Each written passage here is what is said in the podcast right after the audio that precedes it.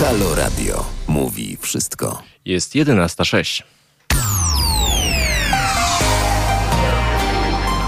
I 27 marca, Paweł Cwalina przy mikrofonie. Jest e, sobota, sobota, ale Halo Dzień w Halo Radio dalej trwa.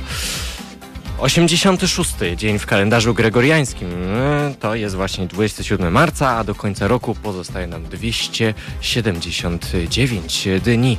Imieniny dziś obchodzą między innymi e, Aleksander Archibald, Augusta Benedykt, a także Franciszek Gelazja, Gelazy też, e, Jan Lidia Macedoniusz, Robert i Rzędzimir. Wszystkim, wszystkim, wszystkim, zupełnie wszystkim solenizantom obchodzącym dzisiaj imieniny życzymy serdeczne wszystkiego najlepszego, a także tym, którzy się urodzili 27 marca. O nich też nie zapominajmy. Wszystkiego najlepszego. Drodzy solenizanci, jubilaci, tak, jubilaci drodzy. I solenizanci też. Wydarzenia w Polsce. Najstarsza data 993 997. Ten numer to kłopoty, jak to mawiał poeta. No ale w tym, w tym roku też właśnie w 997 biskup praski Wojciech dokonał masowego chrztu mieszkańców Gdańska. Wszystkich po prostu, wszystkich tak jak stali, wszystkich równo masowo ochrzcił. No, nie było gdzie uciekać. No i dzisiaj, dzisiaj też nie ma gdzie uciekać, podobno jak, e, jak donoszą, no właśnie, media, na przykład media, jak chcemy teraz wycofać się z tego właśnie, z tego aktu masowego chrztu przez, przed, e, dokonanego przed tysiąc, e, ponad tysiąc laty temu, mm, to no, proboszczowie dzwonią na policję. Nie fajnie.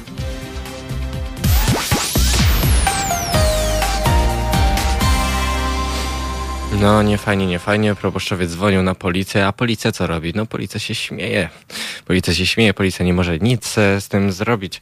Chociaż, ja nie, no, ja myślę, że policja też by raczej, no nie wiem, to po prostu jest śmieszne. Em, do- Dokonujemy, chcemy dokonać aktu apostazji, no, to jest prywatna przecież, to jest przecież prywatna decyzja, Mm, więc, no, co może zrobić pan policjant? Chociaż z drugiej strony patrząc, no to mm, na prywatną, jeśli chodzi o prywatną decyzję w sprawie em, płodów, czy też dzieci nienarodzonych, to zależy, to zależy, która strona się wypowiada na ten temat.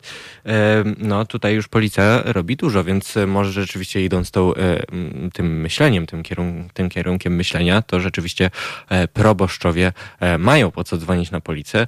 No, Zobaczymy, zobaczymy, czy, e, czy coś się z tym e, zmieni, bo kurczę, no ten e, sojusz tronu i krzyża, no to nie jest najprzyjemniejsza rzecz dla, dla obywateli, ale też jak widzimy, chyba też dla policjantów, no bo kurczę, no oni mają ważniejsze obowiązki do pełnienia niż przyjeżdżanie na parafię, żeby pogodzić księdza z niewiernym, więc no... No to ułatwiłoby sytuację wszystkim. To takie przecięcie tego gordyjskiego węzła pomiędzy właśnie e, kościołem, e, krzy, pomiędzy krzyżem a tronem. No właśnie z tronu nie chce, nie chce zejść e, pan prezes, e, z krzyża nie chce zejść Chrystus i nie chce zbawić nas po raz e, drugi. Chociaż fajnie by było, fajnie by było jakby w końcu, w końcu przyszło to zbawienie, bo no chyba nas trzeba tutaj zbawić ponownie. My, my chyba już e, zapomnieliśmy o naszych e, grzechach. To tak jak e, mówi, mówią właśnie kaznodziejowie, no to myśmy sami ukrzyżowali Chrystusa. No i dalej go krzyżujemy. Krzyżujemy, krzyżujemy Chrystusa z, e, z Kaczyńskim na przykład. E, taka krzyżówka nam tutaj następuje. I no, efekty mamy tego różne, różne dziwne mutacje, nie tylko wirusa, ale y, mutacje, mutacje ideologiczne, ideowe, polityczne również się e, pojawiają. I tutaj mówiąc ideologiczne, no tutaj można pomyśleć, że popełniam e, błąd taki bardzo, e, bardzo freudowski, bo, bo też ci sami ludzie mówią o ideologii LGBT. Przypominam, to ludzie, a nie ideologia, chociaż ostatnio już przeglądałem Facebooka i było tam mm, mówione, ktoś tam ze znajomych powiedział, że LGBT to, no, to nie jest ideologia, ale to jest subkultura. To też jest bardzo kontrowersyjne zdanie, ale coraz więcej tych kontrowersji e, rośnie wokół tego. Do, do, do omawiania tych e, tematów e, sprzed tygodni, ostatniego, ostatniego tygodnia. Wrócimy już za moment. To jest Halo, sobotni dzień w Halo Radio. Paweł Cwalina przy mikrofonie. Mm, dzwońcie do nas Państwo, proszę, dzwońcie do nas. Porozmawiajmy dzisiaj w sobotę przy kawce, przy kawce, może herbatce, może przy jajeczniczce, może przy przy, przy pierogu, przy kotlecie, przy czymkolwiek, przy czymkolwiek porozmawiajmy, zaserwujcie mi, drodzy Państwo, um, kotlet albo jajecznicę poranną, poranną jajecznicę informacji i rozmów. E, to jest Halo Dzień w Halo Radio, jest godzina 11.12. Halo Radio mówi wszystko. Ma nam się pytał, czy ja to szminka na, na szkle, na, szkle, na e, szklance w zasadzie, tłumacząc, e, tłumacząc mniej dosłownie, a bardziej e, w kontekście tego, o co chodziło w tej piosence. No właśnie, ale tutaj też się maluje inne pytanie, czyli to, mm, zanim, zanim Państwo, to jednak uprzedzę, zanim Państwo mnie uprzedzą albo skomentują, że, że pajacuję na antenie, no to, e, no to zarzucę mocny tytuł w takim razie a propos tej piosenki, czyli to penis na przed kanałem sueskim, mm, czyli to penis na morzu. No bo i teraz, i teraz już śpieszę z wytłumaczeniem, bo to jest e, okropną rzecz właśnie powiedziałem, tak niektórzy z was by powiedzieli. No ale właśnie, mm, penis na kanale sueskim, e, tak, e, tak brzmi, mm, brzmi nagłówek na Noizie. Noise tak napisał, no i wiele kontrowersji, wiele pytań, wiele pytań, a tak mało odpowiedzi. No na szczęście odpowiedzi jest trochę więcej więcej. Sytuacja, w której statek rysuje na wodzie penisa, po czym tworzy wielki korek blokujący bardzo ważną dla światowego handlu drogę transportu, może prowokować do rozmyśleń, czy ktoś przypadkiem, no właśnie, nie zabawił się tutaj w trolling. Dodatkowo trolling e, wart e, kilka, no miliardów, już nawet nie kilka chyba, bo właśnie światowy transport, y, światowy handel bardzo już na tym ucierpiał, to blokuje już 10% światowego handlu, ceny wzrosną, ale o tym więcej za moment. Na razie jeszcze chwilę o tym na temat y, faliczny mm, się wypowiem, ponieważ e, no właśnie jest to kontrowersyjne, ale jak się okazuje, nie jest to, proszę Państwa, zmyślone, to jest e, prawdziwa sytuacja. Tak rzeczywiście się wyda e, wydarzyło, zanim właśnie ten, ten wielki kontenerowiec, gigantyczny kontenerowiec, e, mm, długi na e, ile? 400 metrów? Tak, 400 metrowiec mm, zablokował e, kanał Suezki. No to ten właśnie kontenerowiec krążył, kołował przed wejściem do, do kanału, przed wpłynięciem do kanału. No i zrobił kurs w kształcie, w kształcie takiego właśnie, właśnie fallusa. No i tłumacząc też, teraz już śpieszę z tym wytłumaczeniem, e, możecie też Państwo dzwonić, możemy razem podyskutować o tym. 22390 5922 to jest e, nasz numer. No ale właśnie, czy to był trolling? No, z jednej strony taka, z drugiej strony wygląda to y, następująco. Kiedy zbliża się kolej statków na wpłynięcie, roz, y, rozgrzewają one swoje silniki, krążąc y, w kółko lub też, tak jak w tym przypadku, rysując brzydkie rzeczy. Oczywiście, no trochę dla żartu, mm, ale nie jest to marnowanie paliwa, nie jest to żadne...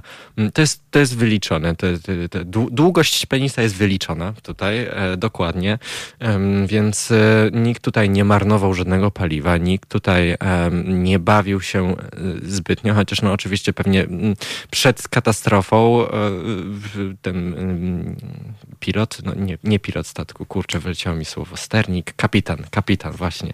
Kapitan i sternik, no mieli, mieli na pewno zabawę przed nią, przed nią, ale nie jest to pierwszy, e, pierwsza taka sytuacja, ponieważ zabawa ta w w kontekście już tutaj e, żeglugi powietrznej e, nosi nazwę e, Skydongs. Mm, piloci są za nie oczywiście upominani przez pracodawców. Smuga kondensacyjna tworząca na niebie wielkie genitalia to coś zgoła innego, zgoła innego niż nie zostawiające śladów krążenie po wodzie, więc temat w przypadku rejsów podniebnych są, są, są no w kontekście, w kontekście rejsów podniebnych jest to trochę, trochę mniejsza sytuacja, no ale pewien, pewien geek, pewien, pewien nerd sprawdzający, sprawdzający również e, tę sytuację, badając ją dokładnie, właśnie wybadał, że, że coś takiego miało miejsce również e, na morzu.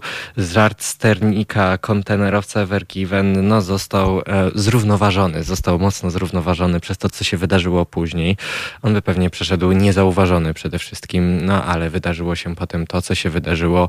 E, można powiedzieć, że mm, 400-metrowy um, metrowy kontenerowiec potem e, utknął po prostu w ciasnym kanale sueskim i no, to, co się wydarzyło, jest po prostu katastrofalne. Nie dla samego kanału już tutaj, bo właśnie, bo o co tu chodzi? Tu chodzi przede wszystkim o to, że mm, droga handlowa, bardzo ważna droga handlowa, została, została całkowicie, całkowicie zablokowana. Nie ma żadnego e, sposobu na udrożnienie jej, jak tylko e, uwolnienie tego, tego statku.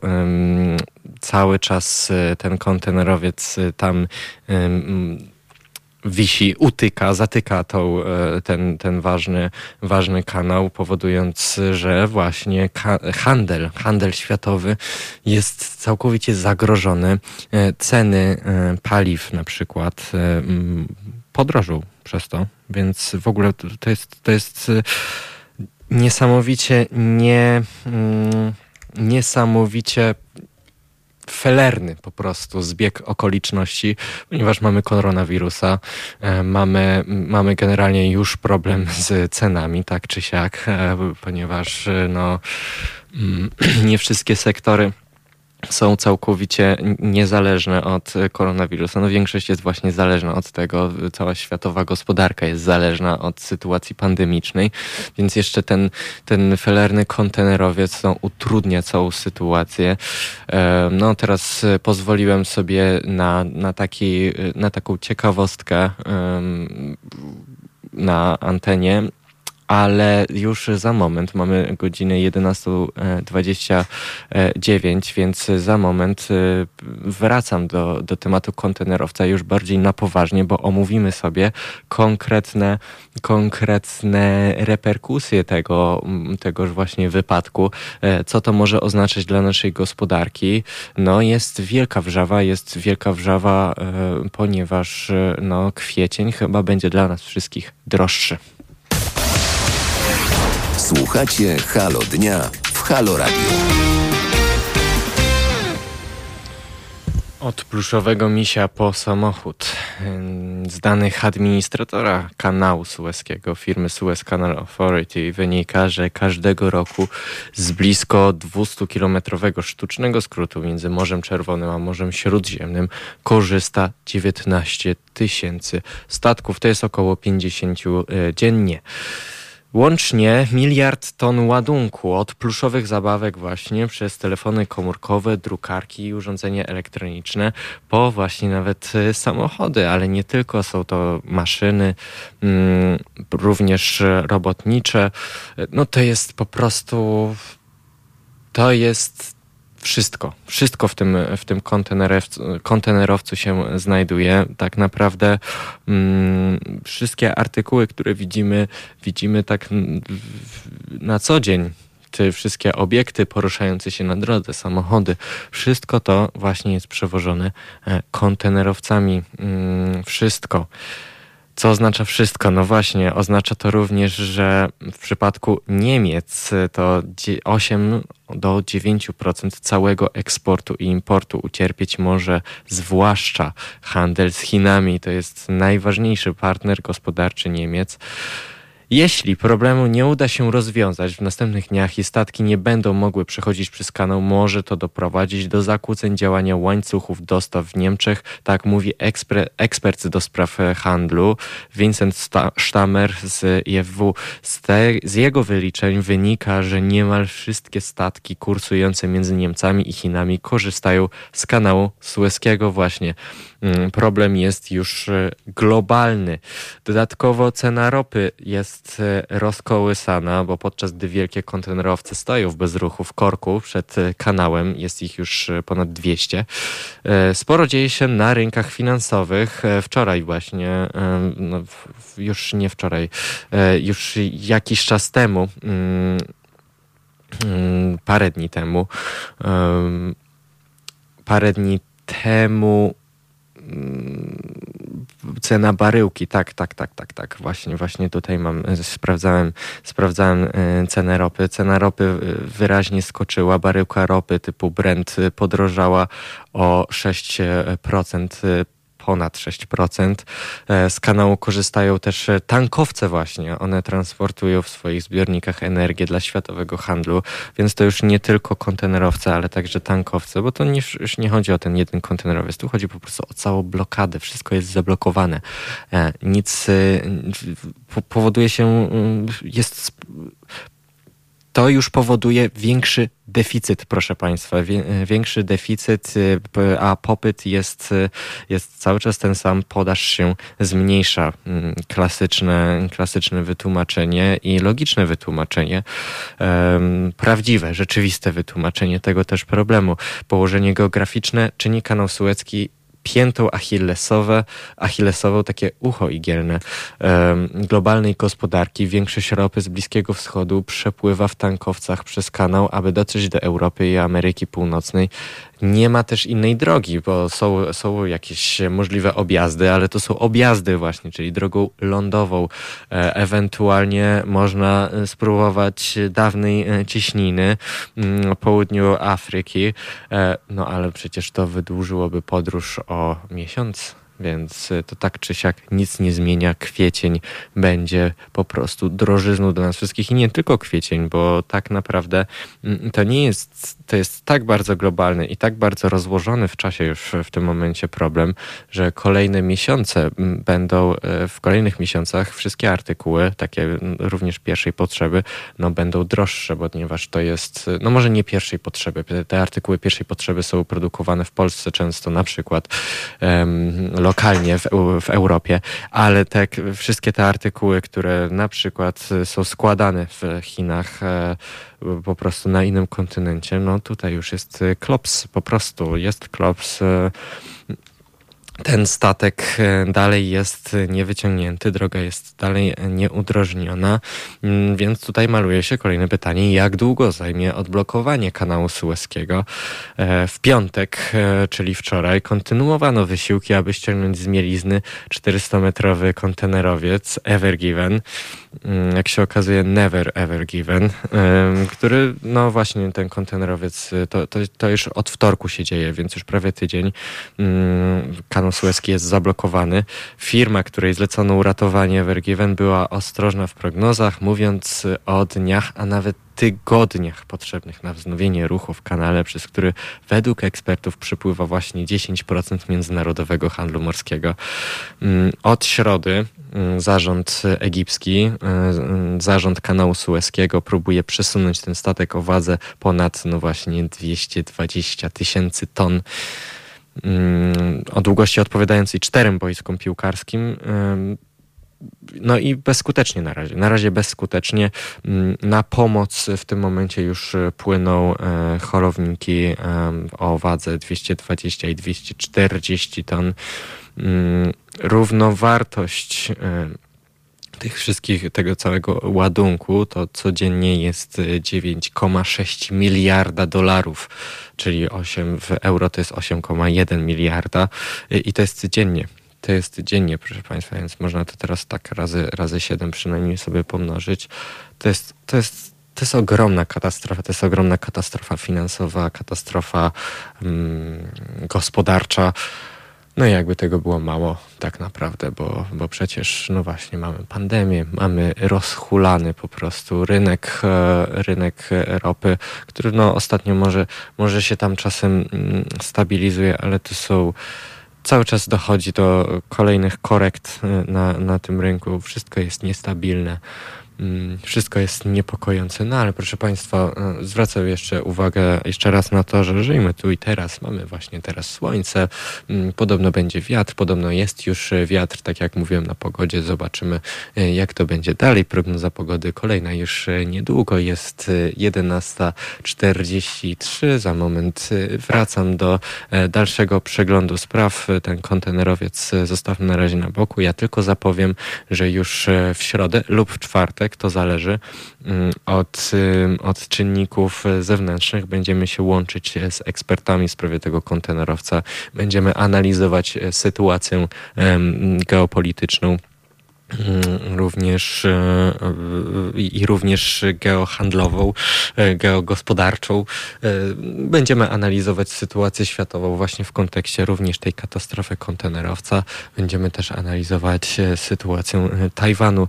Mm, o tym mówiłem między innymi wczoraj na, w, w audycji Halo Dzień. Tymczasem mamy 11.44 z przeglądem prasy. Wracam za moment. Thank you.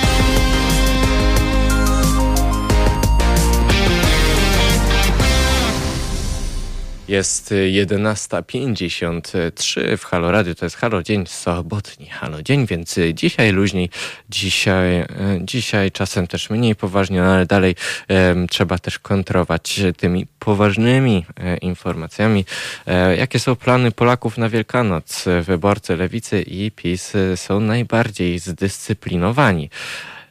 To dobrze w sumie. To dobrze, że są bardzo zdyscyplinowani. Miejmy nadzieję, że to nie tylko chodzi o wyborców, tylko całe, konkretnych wyborców, tylko całe, e, całe społeczeństwo. No, jak e, podaje, jak podaje sondaż, e, tylko 14,6% ma zamiar wyjechać z domu do rodziny.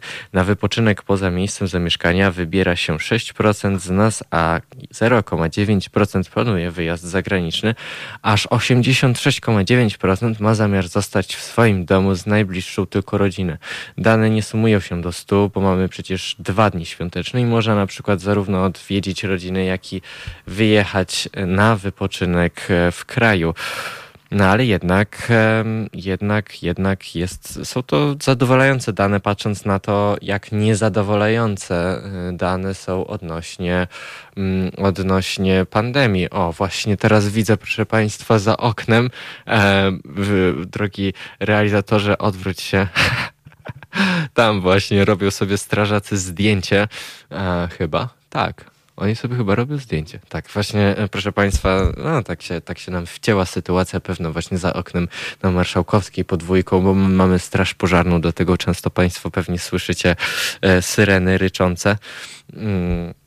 No dzisiaj syren e, nie słychać, ale za to widać strażaków, e, e, którzy siedzą na pojeździe, pojeździe straży pożarnej, pożarnej i pozują do zdjęcia. Miejmy nadzieję, że, znaczy miejmy nadzieję, mamy pewność, że strażacy również stanowią bardzo ważny element w walce z pandemią, więc trzymamy też kciuki za naszych strażaków. A wracając do sondażu, no, według e, Ibrisu, tak jak, tak jak wybadał, tak jak wybadał Ibris um, odnośnie planów wydatkowych, no, sprzedawcy towarów nie będą zadowoleni z tych wyników, bo tylko 6,2% zamierza wydać się na Wielkanoc więcej niż e, rok temu, a mniejsze wydatki planuje aż 31,6% Polaków. Podobne do ubiegłorocznych koszty świąt przewiduje 52,1% badanych, więc to jest, to jest duża różnica. Plany się zmieniają przez pandemię, a tymczasem mamy 11.56 i po serwisie informacyjnym i pogodowym do Państwa wracam. Halo Radio. Mówi wszystko. 12.06 I 27 marca, czyli 86 dzień w kalendarzu gregoriańskim, a do końca roku pozostaje nam 279 dni. Paweł Cwalina, Halo Dzień, Halo Radio w sobotę. Dzień dobry ponownie, święta. Jakie święta dzisiaj? No imieniny. Przede wszystkim imieliny dziś się obchodzą Aleksander, Archibald, Augusta, Benedykt, Ernest, Franciszek, Gelazy, Gelazja, Jan, Lidia, a także Łazarz, Macedoniusz, Narzes, Robert i Rzędzimir. Wszystkim salenizantom życzymy serdeczne wszystkiego najlepszego, a także tym, którzy obchodzą dzisiaj urodziny. Tym też życzymy wszystkiego najlepszego. Wydarzenia w Polsce 997, ten numer to kłopoty. Biskup praski Wojciech dokonał masowego chrztu mieszkańców Gdańska. Wojna polsko-krzyżacka w 1521, dzisiaj tak średniowiecznie, a propos tego chrztu, to tak średniowiecznie powiem, wojna polsko-krzyżacka, statki gdańskie zdobyły na Zalewie Wiślańskim statek krzyżacki Knajphof z 75-osobową załogą i żołnierzami zaciężnymi. W wyniku ataku Knajphof wpłynął na mieliznę, gdzie był ostrzeliwany i w końcu skapitulował. 9 kwietnia został odprowadzony do Gdańska i potraktowany jako zdobycz wojenna. No, zobaczymy, czy nasz kontenerowiec też e, będzie ostrzelany przez piratów na przykład, bo jest to bardzo łatwy teraz e, cel i tutaj nie żartuję, piraci dalej na morzu istnieją, wyglądają zgoła inaczej niż ci z czasów, mm, z czasów średniowiecznych, ale dalej są bardzo dużym zagrożeniem. E, zobaczymy, czy ten statek, ten nasz kontenerowiec, no nie nasz kontenerowiec będzie również jakąś zdobyczą wojenną. Miejmy nadzieję, że nie.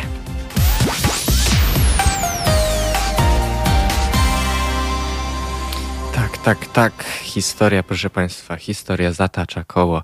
Kiedyś jakiś statek, właśnie Knajpcho, wpłynął na mieliznę, został, hmm, został unieruchomiony.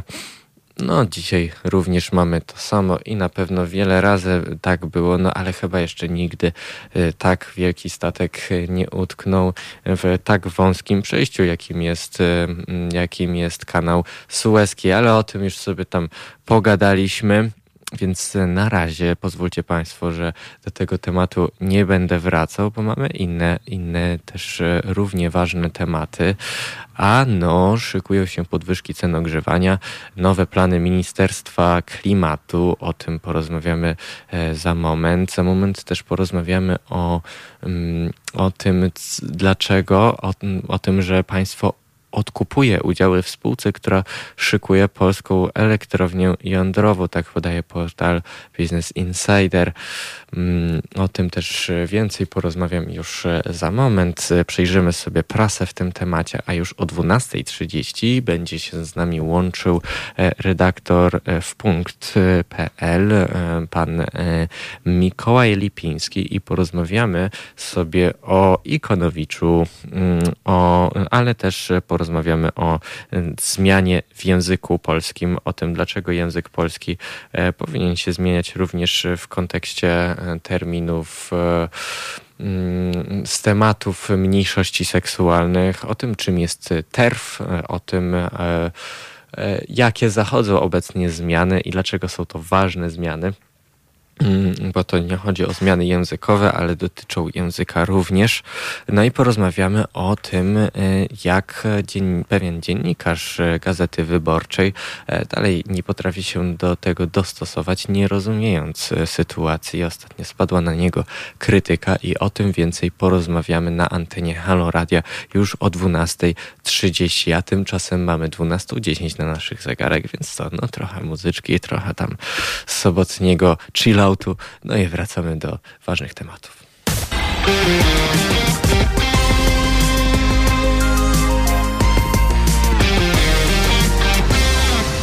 Jest godzina 12.19, to jest nadal Halo, dzień w Halo Radio. No i temat, temat, no może zajmiemy się najpierw tym, że państwo odkupuje udziały w spółce, która szykuje polską elektrownię jądrową. Państwowe spółki PGE, Enea, KGHM i Tauron podpisały ze Skarbem Państwa umowę sprzedaży udziałów w spółce PGE EJ 1 za 53 531, przepraszam, 531,36 milionów złotych, milionów złotych. PGE, odpowiada za przygotowanie EJ1 odpowiada za przygotowanie pierwszej polskiej elektrowni jądrowej, mm, stąd właśnie skrót EJ1. Mm, teraz jej budowę przejmie już e, rząd. Umowa sprzedaży została podpisana przez wszystkie podmioty posiadające udziały w PGE EJ1. PGE miała 70% udziału w tej spółce, a Enea, KGHM Polska Miedź oraz Tauron Polska Energia po 10% udziałów. Z ceny sprzedaży na PGE przypada zatem najwięcej, e, czyli 371,95 milionów złotych. Mm, płatność za udziały w PGE J1 nastąpi nie później niż w dniu 31 marca tego roku. Mm, cena sprzedaży będzie podlegać korekcie na bazie wyceny PGJ1 zaktualizowanej na dzień zamknięcia transakcji. Mm, umowa ta jest efektem listu intencyjnego z października 2020 roku. E, spółka PGJ1 jest odpowiedzialna za przygotowanie i realizację inwestycji polegającej na budowie i eksploatacji pierwszej polskiej elektrowni jądrowej. Mm, budowę elektrowni zamierza przejąć rząd y, i pozyskać do tej inicjatywy kapitał amerykański, e, ale też razem z know-how mm, i nowoczesnymi technologiami, więc mm, rzeczywiście Tutaj są jakieś e, również e, postępy, e, no ale właśnie też pytanie, pytanie, czy to są postępy, czy to jest regres, no, ponieważ jest też, maluje się tutaj pytanie, czy rzeczywiście upaństwowienie energii jądrowej jest tutaj dobrym ruchem, czy nie. Tego jeszcze, tego jeszcze do końca mm, nie wiemy, no ale nie wiemy również, kiedy może powstać powstać e, polska elektrownia jądrowa dokładnie. Znamy tylko e, takie daty e, raczej poglądowe, mm, takie plus minus, takie na oko, pi razy oko. Być może 2033 rok to będzie moment, kiedy pierwszy reaktor został, zostanie uruchomiony. Tak powiedział minister i pełnomocnik rządu do spraw strategicznej infrastruktury energetycznej Piotr Naimski. Mm, to w kontekście pierwszej polskiej elektrowni atomowej powinno być, y, powinny być brane pod uwagę e, Lubiatowo i Żarnowiec. E, mm, porównaniu z poprzednimi działaniami rządu, no teraz, teraz jest to, wydaje się być to bardziej y, jednak przemyślane. E, z jednej strony tak pierowo, no już społeczeństwo według badań też się mniej już obawia energii jądrowej. Hmm, bo generalnie polityka, polityka energetyczna Polski e, jest bardzo przeciwna. Hmm, to o, o, tym już wiemy, o tym też mówimy na antenie Halo Radia. E, hmm, elektrownia, elektrownia jądrowa, e, temat elektrowni jądrowej w Polsce to też nie jest temat nowy. Już od lat 60. przecież mówi się o elektrowni, o prądzie z atomu. Mm, zobaczymy, zobaczymy czy rzeczywiście te działania, które, które rząd y, wykonuje w tym momencie, czyli od, w tym momencie odkupuje już udziały w spółce, która szykuje polską elektrownię jądrową, czy to, jest, czy to są dobre e, działania. Będziemy też pewnie o tym rozmawiać już w najbliższym e, tygodniu, a dzisiaj robimy po prostu e, przegląd, przegląd najnowszych doniesień e, z prasy. Mm, kolejnym, kolejną informacją, którą tutaj warto, warto powiedzieć e, mm, po godzinie 12 na antenie Halo Radia jest to, że szykują się podwyżki cen ogrzewania. Ministerstwo Klimatu zezwoli firmom ciepłowniczym na uwzględnianie w taryfach lawinowo rosnących kosztów CO2. Mm, tak podano w projekcie rozporządzenia. Oznacza to podwyżki rachunków właśnie. Jeśli do nich nie dojdzie, firmy ciepłownicze mogą upadać. Tak punktując te wszystkie, wszystkie doniesienia, wszystkie postanowienia na ten temat, e, to rysuje się nam sprawa w ten sposób, w sposób następujący, czyli koszty spekulacji na rynku praw do emisji CO2 zagra, zagrażają istnieniu nie tylko elektrowni węglowych, ale i ciepłowni. Ministerstwo Klimatu przygotowało rozporządzenie, które ułatwi tym ostatnim podwyższanie cen, a środki z zakupów, e, zakupu praw do CO2 trafiają do budżetu państwa. Mm, Ministerstwo Finansów e, zostało już zapytane, czy planuje zlikwidować akcyzę na energię elektryczną i obniżyć, i obniżyć VAT. Mm, no, czekamy na tą e, odpowiedź. E, natomiast ceny uprawnień do emisji CO2 poszły tak ostro w górę, że rentowność tracą już właśnie polskie elektrownie na węgiel. To jest e, bezpośrednia tak naprawdę konsekwencja działań, działań rządów, bo tu nie mówimy o jednym rządzie, o, o rządach w Polsce, jeśli chodzi o politykę właśnie, politykę energetyczną. Węgiel już jest po prostu nieopłacalny, a firmy, e, firmy mm, spółki, spółki w zasadzie, mm, czyli, czyli firmy, czyli duże firmy mm, elektrow, elektrowniane, również firmy wydobywcze, przemysł wydobywczy w Polsce dalej stawia ślepo na ten węgiel, przynajmniej w, jeszcze w najbliższych latach.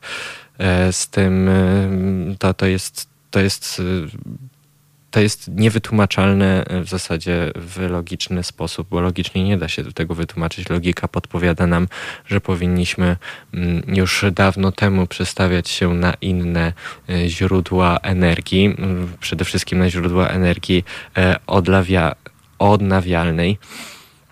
W ubiegłym roku za uprawnienie do tony CO2 emisji trzeba było płacić 25 euro, a teraz jest to już powyżej 41 euro.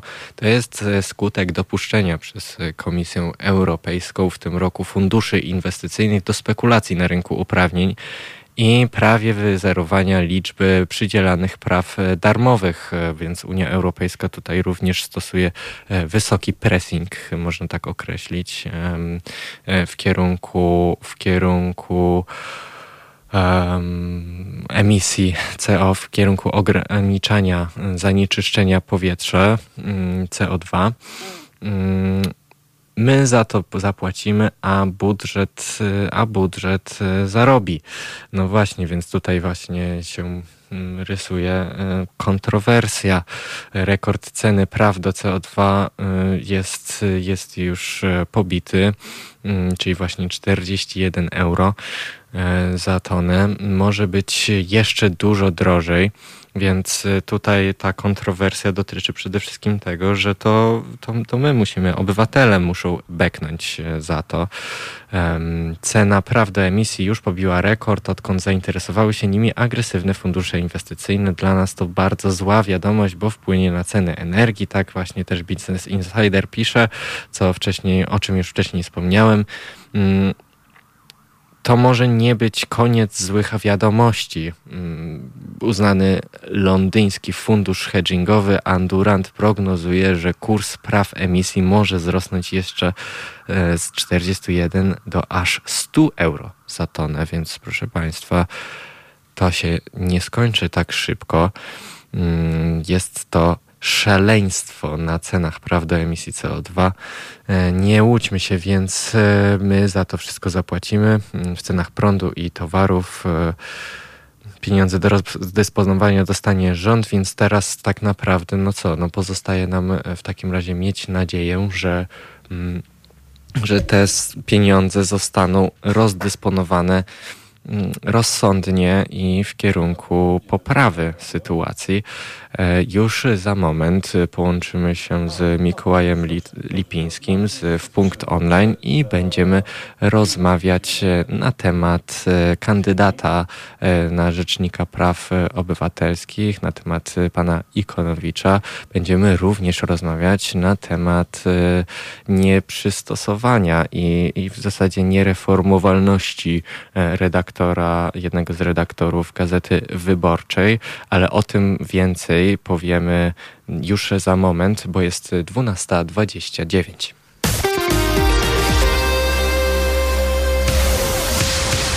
To jest Halo Dzień. Jest 12.30, a już teraz moim i Państwa e, gościem na antenie Halo Radia jest Mikołaj Lipiński, redaktor Mikołaj Lipiński z w punkt serwisu punkt, w punkt online. Będziemy rozmawiać o paru rzeczach, między innymi właśnie o panu Ikonowiczu, który jest kandydatem lewicy na Urząd Rzecznika Praw Obywatelskich, ale również porozmawiamy o tym, co się dzieje w Gazecie Wyborczej. Cześć Mikołaj. Cześć Pawle, witam wszystkich słuchaczy. E, Mikołaju, może zacznijmy od, od Ikonowicza. E, czy Ikonowicz jest tylko kandydatem lewicy na urząd RPO, ponieważ jak czytamy w ostatnim opublikowanym właśnie w serwisie w Punkt Online wywiadzie z nim, e, no powiedział, że również będzie się starał o poparcie w innych stronnictwach. Czy powinniśmy go traktować jako kandydata politycznego? Sam Piotr Ikonowicz um, wypowiada się o tym, że chciałby być kandydatem społecznym, jak najbardziej kandydatem społecznym.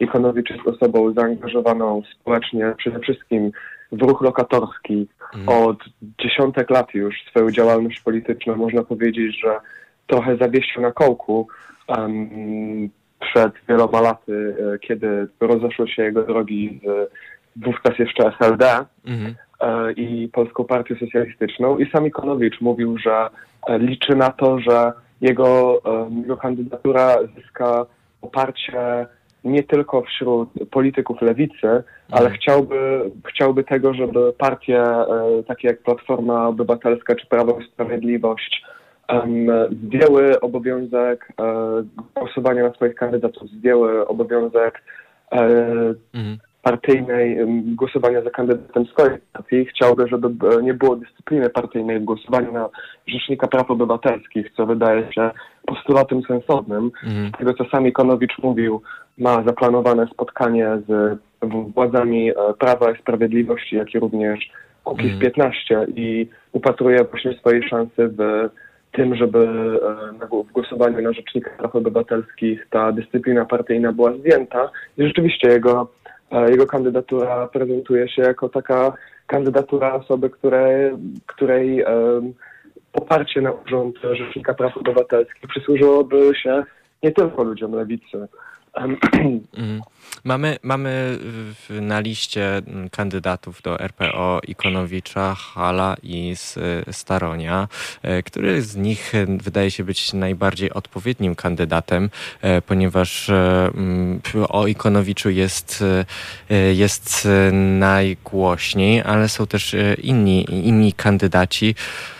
W tym momencie mhm. jest e, kandydat Prawa i Sprawiedliwości, którym jest pan Wąbewski, który zapowiedział, że nie chce, żeby, nie chce składać w ogóle e, mandatu Prawa i Sprawiedliwości, bowiem jest mhm. on czynnym posłem i nie zamierza się on e, pozbywać mandatu. No jest to kandydatura stricte polityczna, która, która nie ma nic wspólnego z, z obywatelami. To tak. jest kandydatura stuprocentowo polityczna.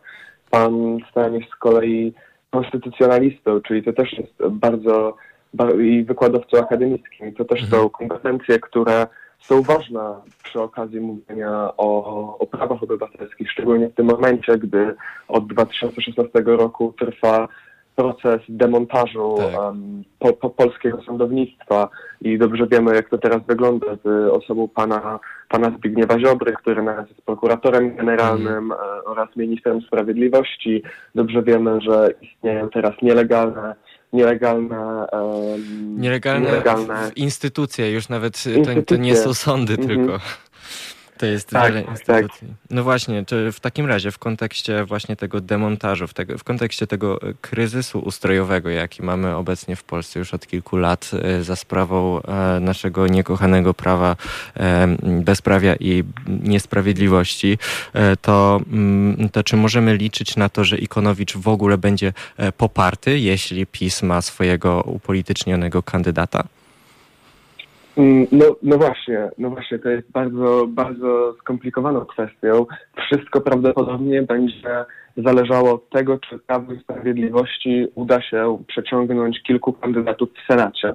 Ze względu na to, że poprzednie głosowanie nad e, innym upolitycznionym kandydatem Prawa i Sprawiedliwości, panem Babrzykiem tak. z Ministerstwa Spraw Zagranicznych, ono upadło w Senacie i pojawiały się głosy kilku senatorów, przede wszystkim jednego senatora Polskiego Stronnictwa Ludowego, który również jest antyaborcjonistą i którego bardzo cieszyłoby poparcie hmm. pana e, Wróblewskiego ze względu na to, że to on jest jedną z osób, która skierowała wniosek o niemal całkowitą delegalizację aborcji w Polsce do Trybunału Konstytucyjnego. Na razie nie słychać o tym, żeby więcej osób miało poprzeć kandydaturę pana Wróblewskiego w Senacie, dlatego że e, Prawo i Sprawiedliwość e, potrzebowało przeciągnąć kilku, kandy- hmm. kilku senatorów na swoją stronę.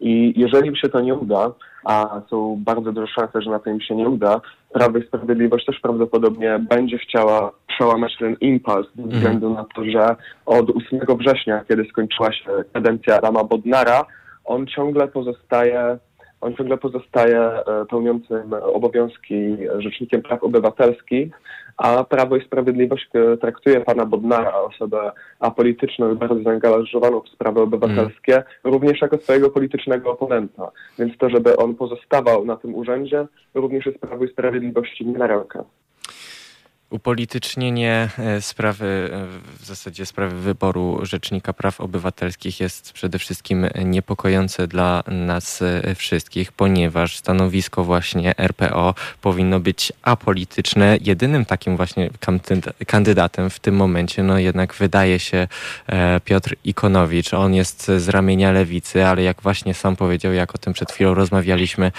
nie zamierza, nie zamierza w ogóle mm, utożsamiać się tylko z lewicą. Rozmawiał właśnie z Pawłem Kukizem, e, który e, no już odkładając na bok fakt, że Paweł Kukiz jest e, z jednej strony mówił głośno, że jest antysystemowcem, to z drugiej strony no, chce się ułożyć z panem Kaczyńskim, pseudonim prezes.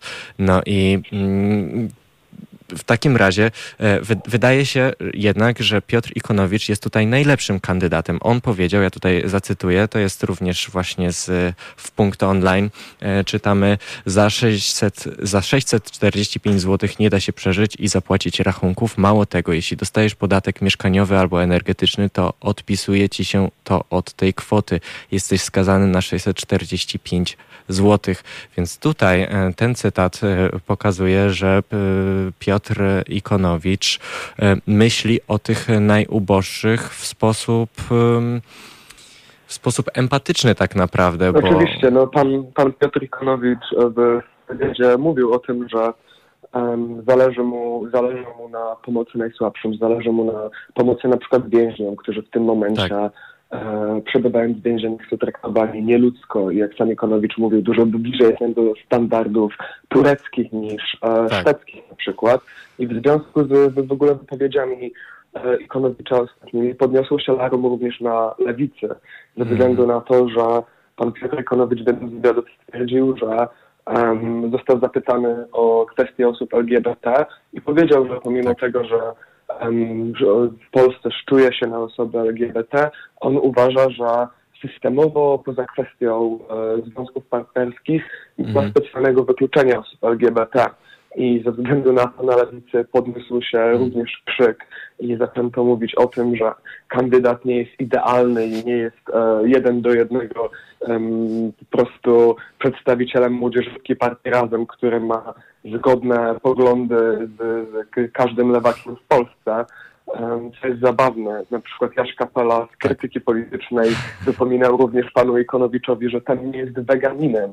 No i teraz pojawia się ta kwestia, czy bardziej, bardziej zależy ludziom lewicy na pełnej spójności ideologicznej, czy bardziej mhm. zależy rzeczywiście na wsparciu, wsparciu osób wykluczonych. Ze względu na to też, że pan Ikonowicz, tak. gdyby objął udział rząd Rzecznika Praw Obywatelskich, przypominam, nie byłby jedyną osobą pracującą w biurze. W biurze Rzecznika Praw Obywatelskich pracują dziesiątki osób. Prawdopodobnie robiłaby to również pani e, mecenas Nosa Ikonowicz, żona pana mhm. Która również została przez Adama Bodnara, przepraszam, wyróżniona ostatnio um, i prawdopodobnie pan Ikonowicz by do swojego biura, jako osoba, która ma spore doświadczenie w, w pracy społecznej, prawniczej, prowadząca wcześniej, mhm. um, prowadząca ruch Solidarności Społecznej, który, który również ze strony prawniczej um, pomaga lokatorom, byłaby sobie w stanie zorganizować biuro, w którym byłyby również osoby specjalizujące się chociażby w kwestii wykluczeń no osób no LGBT. Wydaje no mi się, że ludzie zapominają o tej kwestii, że um, RPO to nie jest tylko jedna osoba, tylko to jest całe, cała, cała grupa, całe całe biuro, które zajmuje się cały, pomocą. Cały zespół, cały zespół, bo to jest e, praca mhm. zespołowa. Przede wszystkim jedna osoba nie jest w stanie ogarnąć, e, ogarnąć całego morza e, w sytuacji, w których po prostu Rzecznik Praw Obywatelskich, którymi Rzecznik Praw Obywatelskich powinien się zająć. Ikonowicz, no właśnie. No właśnie, no chyba, tak. chyba jak spojrzymy na to, jakim pozostałym kandydatem jest pan na przykład Durblewski, który może się cieszyć sporym poparciem w parlamencie, przez Prawo i Sprawiedliwość, to dobrze możemy wiedzieć ze względu na to, jak upolityczniona jest ta kandydatura, że on raczej sprawami osób LGBT nie chciałby się zajmować. No, no i też no pozwala, i on, on chyba mhm. nawet, y, y, on y, przede wszystkim nie rozumie nawet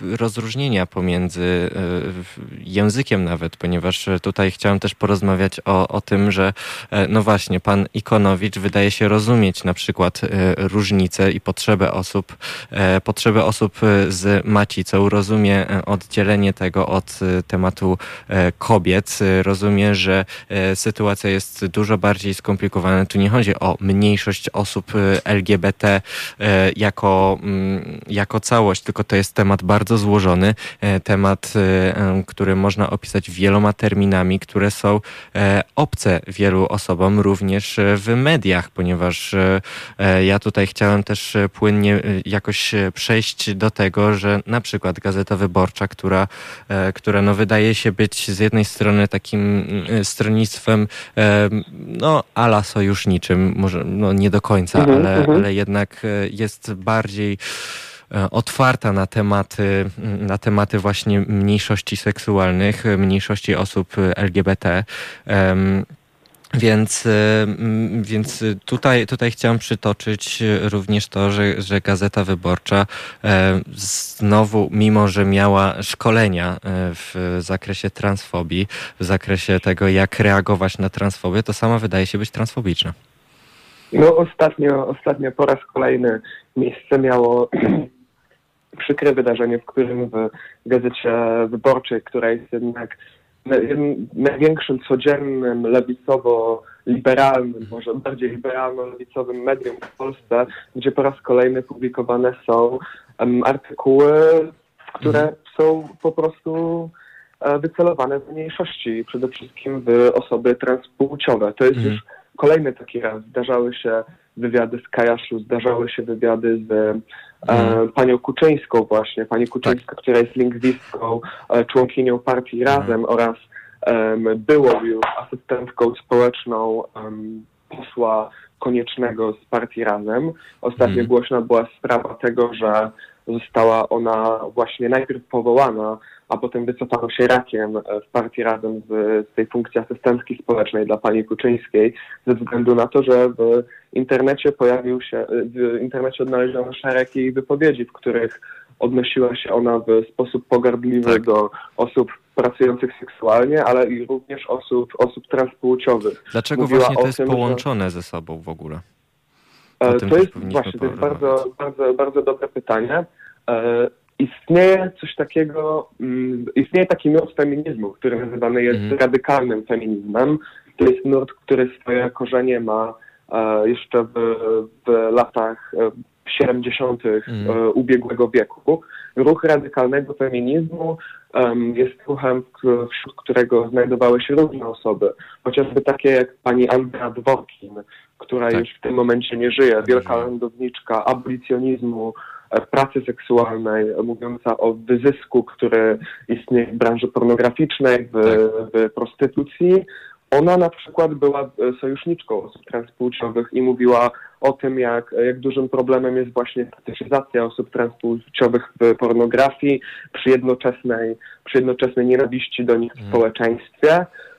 ale wśród radykalnych feministek pojawiło się też bardzo dużo osób, które nazywają się gender critical w tym momencie, tak. czyli osoby krytyczne wobec pomysłu płci społecznej. Mhm. Dominującą, dominującą myślą w feminizmie jest to, że istnieje coś takiego jak gender, czyli płeć tak. społeczna, nazywane ideologią tak, tak, tak. w Polsce przez e, prawicowe media, mm. jak, i, jak i również partię rządzącą. I gender zakłada to, że wszyscy w społeczeństwie mamy jakieś swoje określone role. Kobiety na przykład e, przyjmują rolę matek, ale też ich gender roles, czyli te role płciowe zmieniają mm. się i w tym momencie mamy właśnie kobiety, które wypełniają te swoje kobiece funkcje w społeczeństwie jako na przykład szefowe, ale też um, właśnie gender, czyli płeć społeczna zakłada to, że nie każda osoba, która ma przypisane jakąś płeć przy urodzeniu, czyli patrzymy, ktoś ma penisa, to jest mhm. chłopiec, ktoś nie ma penisa, jest dziewczyną, że nie każda osoba, której płeć przypisana przy urodzeniu jest zgodna z tym, jak, jak, jak, jaka jest ich płeć społeczna, jak ona mhm. się identyfikuje właśnie. I e, w, przede wszystkim w Wielkiej Brytanii, ale to trafia też do e, reszty Europy, w tym Polski, popularny tak. stał się ruch nazywany terfizmem, tak, terf, pochodzący od TERF, określenie TERF oznaczające Trans-Exclusionary Radical Feminist, czyli właśnie osoba, która wyłącza osoby transpłciowe, nie tylko mhm. kobiety transpłciowe, to jest ważne w tym w tym rozróżnieniu, bo głównie się mówi właśnie o terfach um, jako mhm. osobach, które um, odrzucają teraz płciowe kobiety z feminizmu, jako mężczyzn, którzy chcą się, chcą się podszywać pod kobiety, ale one odrzucają też e, trans mężczyzn jako właśnie zdrajców, um, ko zdrajców kobiet, którzy chcą tak. się stać mężczyznami po to, żeby nie musieć walczyć z tym brzemieniem. To jest już jakiś w ogóle meta, meta poziom. Bo... No tak, tak, tak. To, to jest... Nie jest to, mhm. jest to, może to brzmieć zabawnie oczywiście, tak długo jak no, nie, nie, nie zaczyna to dotykać, dotykać ludzi. No i tutaj możemy wrócić właśnie do kwestii tak. e, Gazety Wyborczej. Gdzie I redaktora pan, Głuchowskiego redaktor, właśnie ostatnio. Redaktor Piotr Głuchowski um, opublikował, opublikował swój artykuł, w którym e, opowiada o tym, jak on nie rozumie tego, co się stało w tak. partii Razem i nie rozumie, nie rozumie um, dlaczego e, wyzywanie e, prosty, osób pracujących seksualnie w internecie przez panią Kuczyńską miałoby robić z niej terskę. Oczywiście to jest taki zabieg erystyczny, mm, tak. Bo pani Kuczyńska została naraz skrytykowana i za e, swoje pogardliwe podejście do pracownic seksualnych i za swoje pogardliwe podejście do osób tra transpłciowych. Pan Głuchowski wrzuca to w jedną grupę tak po to, żeby udawać, że nie rozumie o czym mówi. Mnie tak. najbardziej bolesną rzeczą, którą pan Głuchowski mm. robi w tym artykule, to jest po zakończeniu go pan Głuchowski pisze o sobie Piotr Głuchowski, osoba z jądrami. W, żeby o, zrobić matko. niezwykle zabawny żart z tego, że tak. E, w dyskursie publicznym stara się, ludzie starają się używać określenia osoby z macicami. Tak, tak, tak. Dlaczego Właśnie. ci ludzie starają się go używać? E, ci ludzie starają się go używać ze względu na to, że nie tylko kobiety mają aborcję. Istnieją też transpłciowi mężczyźni, którzy nie, nie mieli dokonanej operacji, um, w której um, tak. zmienia się ich, um, zmienia się wygląd ich narządów tak. płciowych i wtedy wciąż możliwe jest, żeby takie Zaszli osoby zachodziły w ciążę. Tak, Istnieją też osoby niebinarne, które um, znajdują się albo gdzieś pomiędzy mężczyzną a kobietą w tej spektrum płci społecznej, mhm. albo w ogóle odrzucają jakąkolwiek klasyfikację. I, I mają do tego prawo. I mają do tego prawo. Mają właśnie. do tego prawo, tak. I one w tym kontekście e, chcą, żeby mówić o tym, że e, aborcja jest kwestią osób, osób z macicami, osób, które tak. są zdolne do zajścia w ciążę, a nie tylko i wyłącznie kobiet. I pan Piotr Głuchowski wykazał się albo niezrozumieniem tematu chociaż jak sam twierdzi, przeczytał tuzin tekstów. Tak, to właśnie, przeczytał tu, tuzin tekstów, a dwóch rzeczy nie rozumie, więc jego nierozumienie jest jak najbardziej y, binarne, a, a, a, a wydaje się jednak, że powinien to zamienić, bo on tak naprawdę y, może możliwe, że jednak przeczytał tylko dwa teksty, a tuzina rzeczy nie rozumie. tak, tak, tak. No i podpisał się jako osoba z jądrami. Tak. Chociaż, no, miałoby to oczywiście sens. Gdyby w polskim prawie było tak, że e, w polskim prawie pojawiłby się nagle wprowadzony przez Prawo i Sprawiedliwość zapis, który mówi o tym, że każdej osobie powyżej 30 lat należy obciąć jądra. Tak. I wtedy można by było mówić o osobach z jądrami, bo e, to byłaby kwestia praw osób z jądrami, czyli Tak. na przykład również osób transpłciowych przed operacją albo które nie zamierzają robić sobie operacji. Wtedy, tak jak teraz usprawiedliwione jest mówienie w tym kontekście aborcyjnym o osobach z macicami, usprawiedliwione byłoby mówienie o osobach z jądrami. Tylko, Mhm. że pan Głuchowski albo nie rozumie tego, albo nie chce tego zrozumieć i uważa, że mówienie o sobie jako osobie z jądrami jest jakimś zabawnym żartem i pokazaniem tego, jak głupie są te feministki i co sobie wymyślają. No nie, Jest, jest pokazem po prostu nieczułości na, na temat e, społeczny, bo tu nie chodzi nawet już, już może nawet odsuńmy na bok to, czy to jest temat LGBT, czy temat nie LGBT, tylko to jest temat Mhm. przede wszystkim praw człowieka, e, praw e, ludzi, którzy istnieją, których potrzeba istnieje i jest właśnie taka, żeby mówić o nich osoby z macicami, em, ponieważ, ponieważ rzeczywiście uto, nie utożsamiają się z e, byciem kobietą i mają do tego prawo, a mają dalej macicę. I i tak naprawdę tu nawet już nie chodzi o to, czy my się z tym zgadzamy, że tak byśmy też chcieli mieć, czy nie, tylko powinniśmy się zgodzić z faktem, z faktem takim, że te osoby istnieją i te osoby właśnie mają takie potrzeby, a te potrzeby nie zagrażają potrzebom innych. Więc, e, więc e, Mhm, to mhm. jest sprawa jak najbardziej e, obywatelska, sprawa jak najbardziej mm, społeczna, ale też sprawa y, Głuchowskiego jest tutaj tak e, w kontrapunkcie sprawą nieczułości, a przecież dziennikarz powinien być również e, otwarty na problemy e, mniejszości. Przede wszystkim problemy tych e, mniejszości, które, które mają problem z w tym momencie nawet z odpowiednim ułożeniem narracji takiej według, według siebie, takiej z, z własnej perspektywy, ponieważ tą narrację psują tacy redaktorzy jak Głuchowski. Ale rzeczywiście, no ale to, to, co warto jest powiedzieć w tym kontekście, to jest to, że nie jest to w 100% odosobniony przypadek. Takie dwa teksty zdarzały się w Gazecie Wyborczej. Pamiętamy również, kiedy była głośna kwestia e, Margo i Stop Bzdrom w wakacje. Przypomnę, że Margo jest osobą niebinarną z właśnie przypisaną męską płcią przy urodzeniu.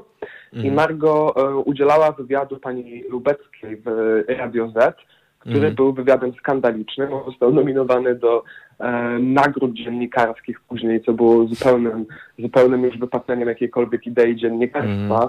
E, tym niemniej to nie, również pani Lubecka nie jest tu odosobnionym przykładem, dlatego że gdy em, zaproponowano, aby, żeby takie wywiady jak ten pani Lubeckiej, która pytała Margo, co ta ma w majtkach, e, Tak. jeżeli nie jest mężczyzną i o inne obrzydliwe rzeczy.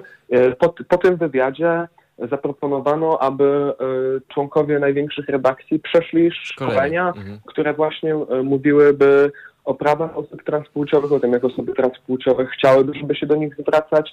I wtedy pani Dominika Wielowiejska e, z radia TOK FM, jak i również Gazety Wyborczej stwierdziła, że jest to absurd, że nie wolno czegoś takiego robić. Podobnie, że reagował były, wydaje mi się, że były pracownik Gazety Mhm. Wyborczej Wojciech. Szafki, który obecnie pracuje w Tak, Polityce był. Insight. Mhm. On również, również e, reagował oburzeniem i to jest taka całkiem popularna tendencja w tych liberalnych, w tych liberalnych mediach w Polsce, w tych mediach, które krzyczą strasznie dużo o tym, że media muszą być wolne i jakim zagrożeniem Tak. dla wolnych mediów jest PiS. No, kiedy same e, bardzo, bardzo aktywnie zajmują się tym, żeby nie zauważać problemów społecznych, żeby nie zauważać em, osób transpłciowych, żeby nie zauważać osób, które Mhm. żyją Mhm. za 645 zł miesięcznie, którym pomógłby chciał, chcieć właśnie Ikonowicz, No żeby właśnie. zajmować się dalej powielaniem tej swojej narracji, która miała duże poparcie za Platformy Obywatelskiej, kiedy jeszcze zarządy przed 2016 rokiem, że żyjemy w europejskim kraju, gdzie płynie ciepła woda z kranu, jesteśmy zieloną wyspą, jest zajebiście, a wy się, wy się mamy Mm. społeczeństwo poza tymi pisiorami, które tylko do kościoła chodzą, Tak. a wy nie możecie nam mówić, nam liberałom, że my musimy iść na jakiś trening i się czegoś jeszcze dowiadywać. No to jest to jest dokładnie taki... To, to, jest, taki to, jest pokaz, to jest no. pokaz ignorancji, to jest tak naprawdę ten sam problem, który mamy w środowiskach, które są przecież y, krytykowane teraz, y, można powiedzieć, no bo środowiska prawicowe są teraz najbardziej krytykowane um, w, w, przez obywateli. No już zresztą sondaże wyborcze też to e, pokazują. E, Mhm. Tylko 30% dla PiSu w tym momencie. No a z drugiej strony... to jest już widoczny trend, tak, że to już kolejny, kolejny sondaż, w którym PiS ma poniżej 30%, Tak, różnicę kilku punktów jedynie Mikołaju, do ruchu Hołowni. Mikołaju, ja Ci Mhm. bardzo dziękuję za tą rozmowę. Rozmawialiśmy między innymi tak już podsumowując, bo już niestety musimy kończyć. Jest 12.55. Ja Ci dziękuję bardzo za tą rozmowę. Ja myślę, że powinniśmy w takim razie częściej rozmawiać na antenie Halo Radia. Co Ty na to? Bardzo chętnie, dziękuję uprzejmie, dziękuję wszystkim słuchaczom i Tobie, Paweł. Świetnie, dziękuję Ci Mikołaju, pozdrawiam Cię również. E, i mm, no tak, no mamy 12.56 na naszej antenie, co oznacza, że już za moment e, wiadomości, za moment 13 i za moment e, kolejna audycja, Em, tak, realizatorze drogi, tak, mamy kolejną audycję już za moment, więc ja już oddaję głos kolejnym prowadzącym, tymczasem ja się żegnam, E, Paweł Cwalina przy mikrofonie, to był Halo Dzień w Halo Radiu, sobota, e, dzień niezwykle słoneczny. Miejmy nadzieję, że e, w takim razie trzymajmy kciuki za Piotra Ikonowicza, bo wydaje się, że to on właśnie rozumie te problemy również, które poruszyliśmy przed chwilą w rozmowie z Mikołajem. Pozdrawiam serdecznie, życzę miłego, dalszego, sobotniego dnia.